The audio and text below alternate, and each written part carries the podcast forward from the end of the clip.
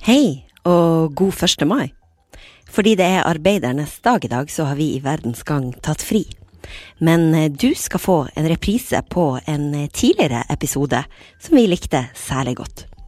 God lytting! Og så husker jeg han sa 'jeg tror vi kjører blått', og så er alt borte frem til jeg våkner ni døgn senere. Røntgenbildet tas, og resultatet kommer. Lungene er ikke svarte som de pleier å være. Røntgenbildet viser store, hvite områder inni lungene. For mange har de karakteristiske bildene av hvite lunger blitt et symbol på hvor syke man kan bli av koronaviruset. Men hvorfor blir lungene hvite? Jeg heter Tor Erling Tømt Ruud, og dette er Verdens gang.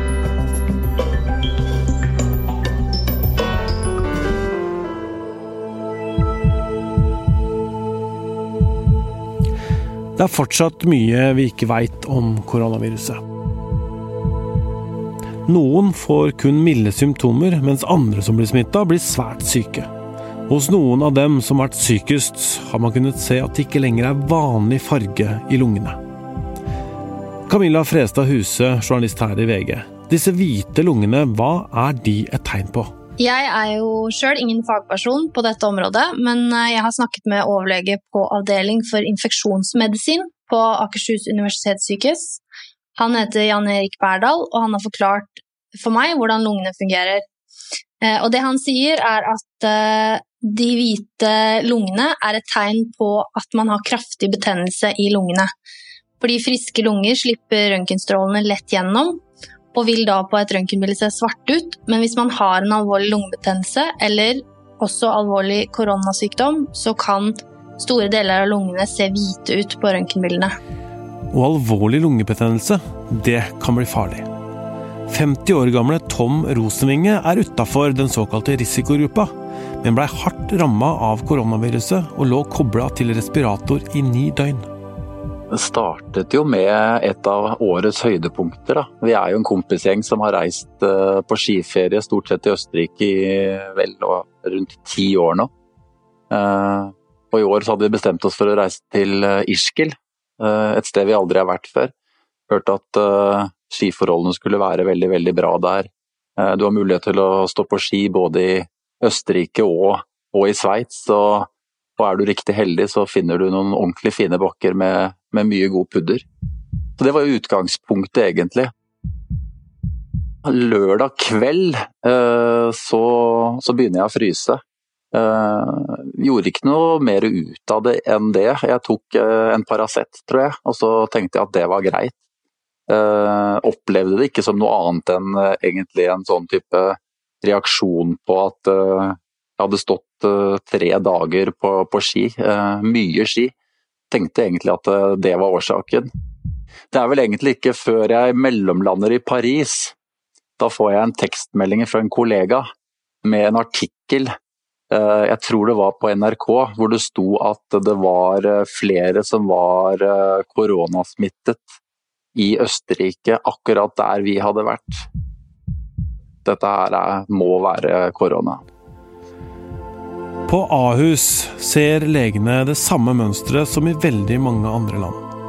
De fleste får øvre luftveisinfeksjoner med milde forkjølelsessymptomer. Noen får mild lungebetennelse, som kan ses på røntgenbildene, men der lungefunksjonen ikke er særlig påvirka. En siste gruppe får en kraftigere lungebetennelse og større eller mindre grad av lungesvikt. Camilla, for å forstå litt mer om disse hvite lungene. Vi snakker om dette fordi de som blir alvorlig syke av koronaviruset, sliter med pusting og lungene. Så for å begynne helt på det enkle, hva gjør lungene? Slik eh, overlege Jan Erik Berdal har forklart det for meg, så er lungene et veldig viktig immunorgan i kroppen vår. Hver dag fanger lungene opp og uskadeliggjør bakterier, virus og støv som vi puster inn. Eh, og hvis vi skal gå inn i lungene, så er de da satt sammen av 300 millioner små luftfylte blærer. Disse kalles alveoler, og inni dem så er det spesialiserte immunceller. Disse immuncellene er trent til å sette i gang en betennelsesreaksjon når vi puster inn virus eller bakterier. Hva er det alveolene egentlig gjør? Helt enkelt forklart så er de trent opp til å eh, oppdage fare og kjempe imot for å prøve å unngå at vi blir syke. Og for å uskadeliggjøre bakteriene og viruset som vi puster inn, så fyller de seg opp med væske og betennelsesceller som kommer inn fra blodet. Problemet er at hvis dette skjer i veldig mange alveoler samtidig, så klarer ikke lungene å forsyne kroppen med tilstrekkelig luft, og vi kan få problemer med å puste. Grunnen til at eh, røntgenbildene av betente lunger er hvite, er fordi disse røntgenstrålene som eh, sendes inn i kroppen, ikke kommer gjennom dette laget med væske og celler som alveolene fyller seg opp med. Da Tom landa på Gardermoen søndag kveld den 8. mars, fikk han beskjed av kona, som er sykepleier, at han måtte i karantene. Han innlosjerte seg i husets kjellerleilighet og testa positivt for viruset dagen etter. På det tidspunktet så følte jeg meg ikke veldig dårlig, så jeg eh, tenkte vel som veldig mange andre tenkte eh, og tenker, at uh, dette her er jo først og fremst et virus som slår til eh, blant eldre og, og de som har spesielle underliggende sykdommer. Så dette her får vi jo bare ta som det kommer, og så får vi uh, ri han av, for å si det sånn. Uh, det var vel ikke noe mer enn det jeg tenkte i begynnelsen. De første dagene hadde jeg forholdsvis milde symptomer, men jeg hadde høy feber. Etter hvert så, så kom det en hoste i tillegg, og jeg opplevde jo Det jeg husker, så opplevde jeg at det ble vanskeligere å puste. Stadig vanskeligere, og feberen var konstant veldig høy. Opp mot 40, husker jeg. En fjerdedel av pasientene i den sykeste gruppen har behov for respiratorbehandling, viser erfaringer fra Norge og andre land, forklarer overlege Jan Erik Berdal ved Ahus. Respiratorbehandling vil si at kroppen ikke lenger klarer å ta til seg nok luft, og man må kobles til en pustemaskin. Camilla, hvordan forklarer legene du har snakka med at noen blir veldig syke av koronaviruset og må få respiratorbehandling, mens andre bare får milde symptomer?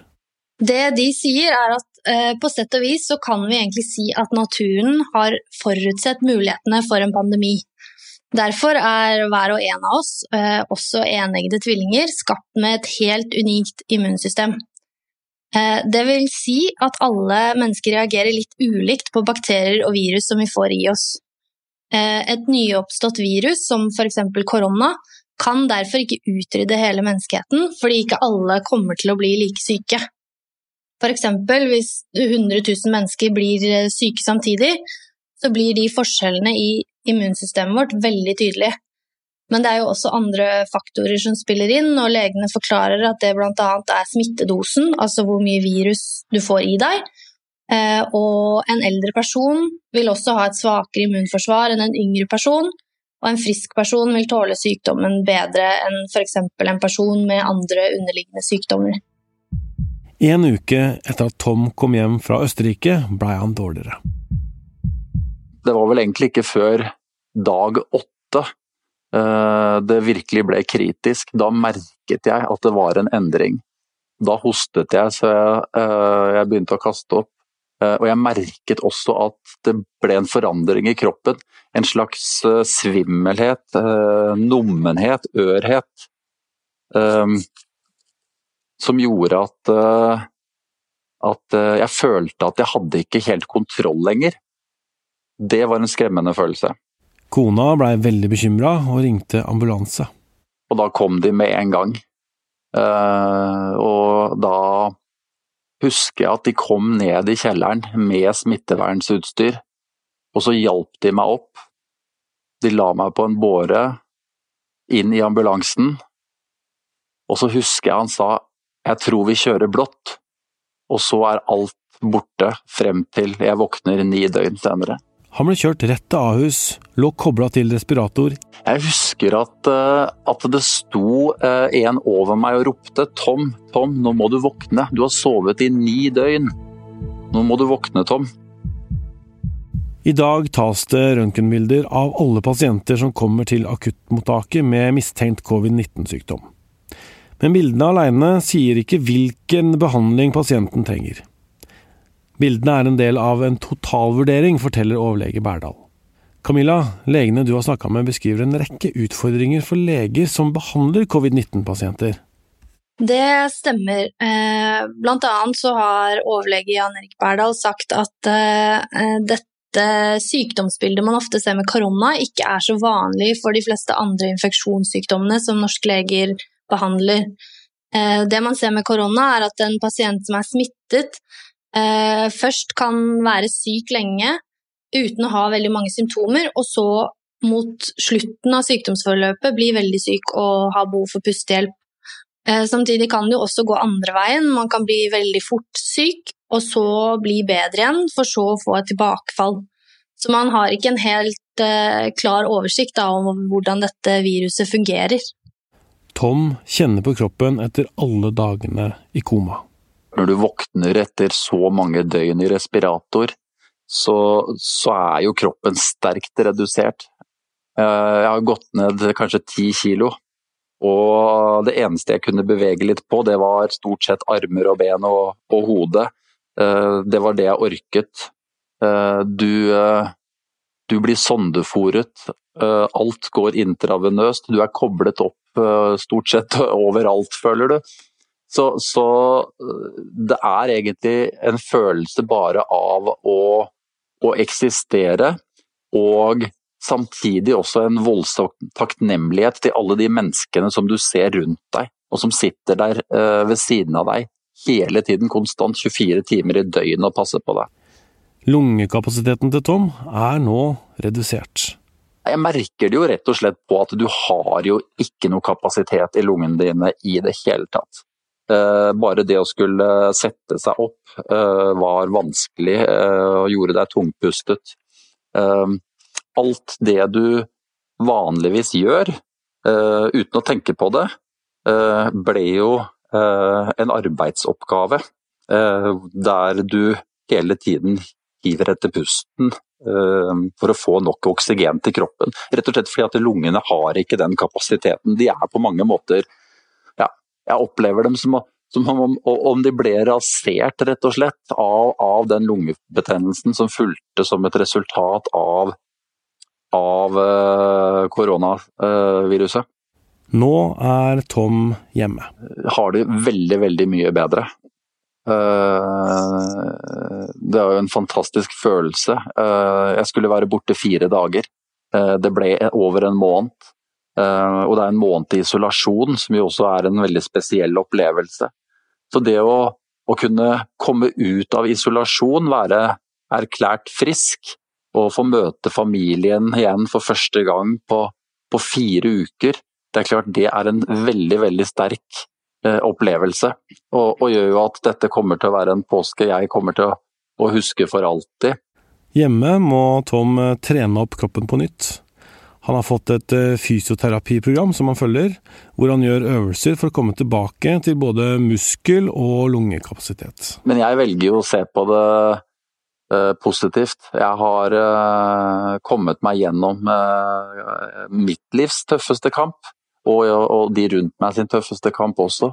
Og jeg responderer bra på de øvelsene og den treningen jeg gjør hver dag. Jeg opplever at lungene blir bedre og bedre også, selv om det er en lang vei å gå. Og så er det vel egentlig ingen som vet ennå hva, hva resultatet av denne sykdommen til syvende og sist vil bli. Det vil jo bare fremtiden vise. Men, men, det hjelper ikke meg å gå rundt og tenke på det. Jeg må bare konsentrere meg om å, å bli så bra som jeg kan. Mange av pasientene som har trengt respiratorbehandling for covid-19, kan få varige lungeskader, ifølge overlege Saad Abali ved Sykehuset i Østfold.